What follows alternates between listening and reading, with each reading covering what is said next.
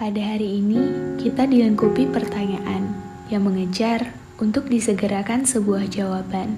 Tanpa ada yang mau tahu bagaimana jawaban itu sendiri telah menjatuhkan banyak harapan yang pernah kita semogakan dalam tiap doa di sepanjang malam.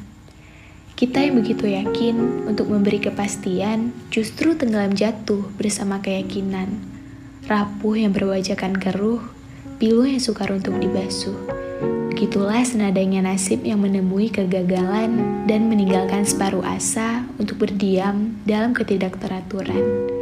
Sebagian mereka yang sengaja dikehendaki oleh semesta agar lebih dulu memulai langkah, belum tentu dapat menata jalan sesuai arah. Dan kita yang menjadi sisanya juga belum tentu dikatakan kalah selama kita menolak pasrah. Kita adalah makhluk berencana yang sering kali dihadapi akan dua suasana. Diwujudkan kata iya agar kita lebih bersyukur terhadapnya, dan diwujudkan sebaliknya untuk mengambil hikmah dari apa yang kita terima. Bukanlah suatu perkara yang mudah untuk menerima kenyataan yang bertolak belakang dengan keinginan, bertemu dengan kebuntuan, dan mengikhlaskan impian untuk rela diambil peran.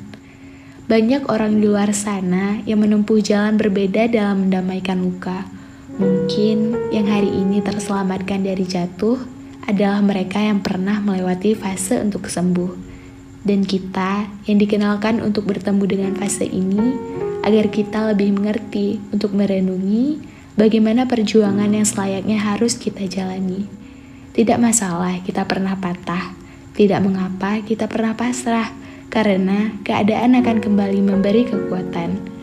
Rehatkan sejenak perasaan untuk menemui tenang dan kembali menyusun rencana dengan matang untuk menggapai apa yang seharusnya kita dapatkan.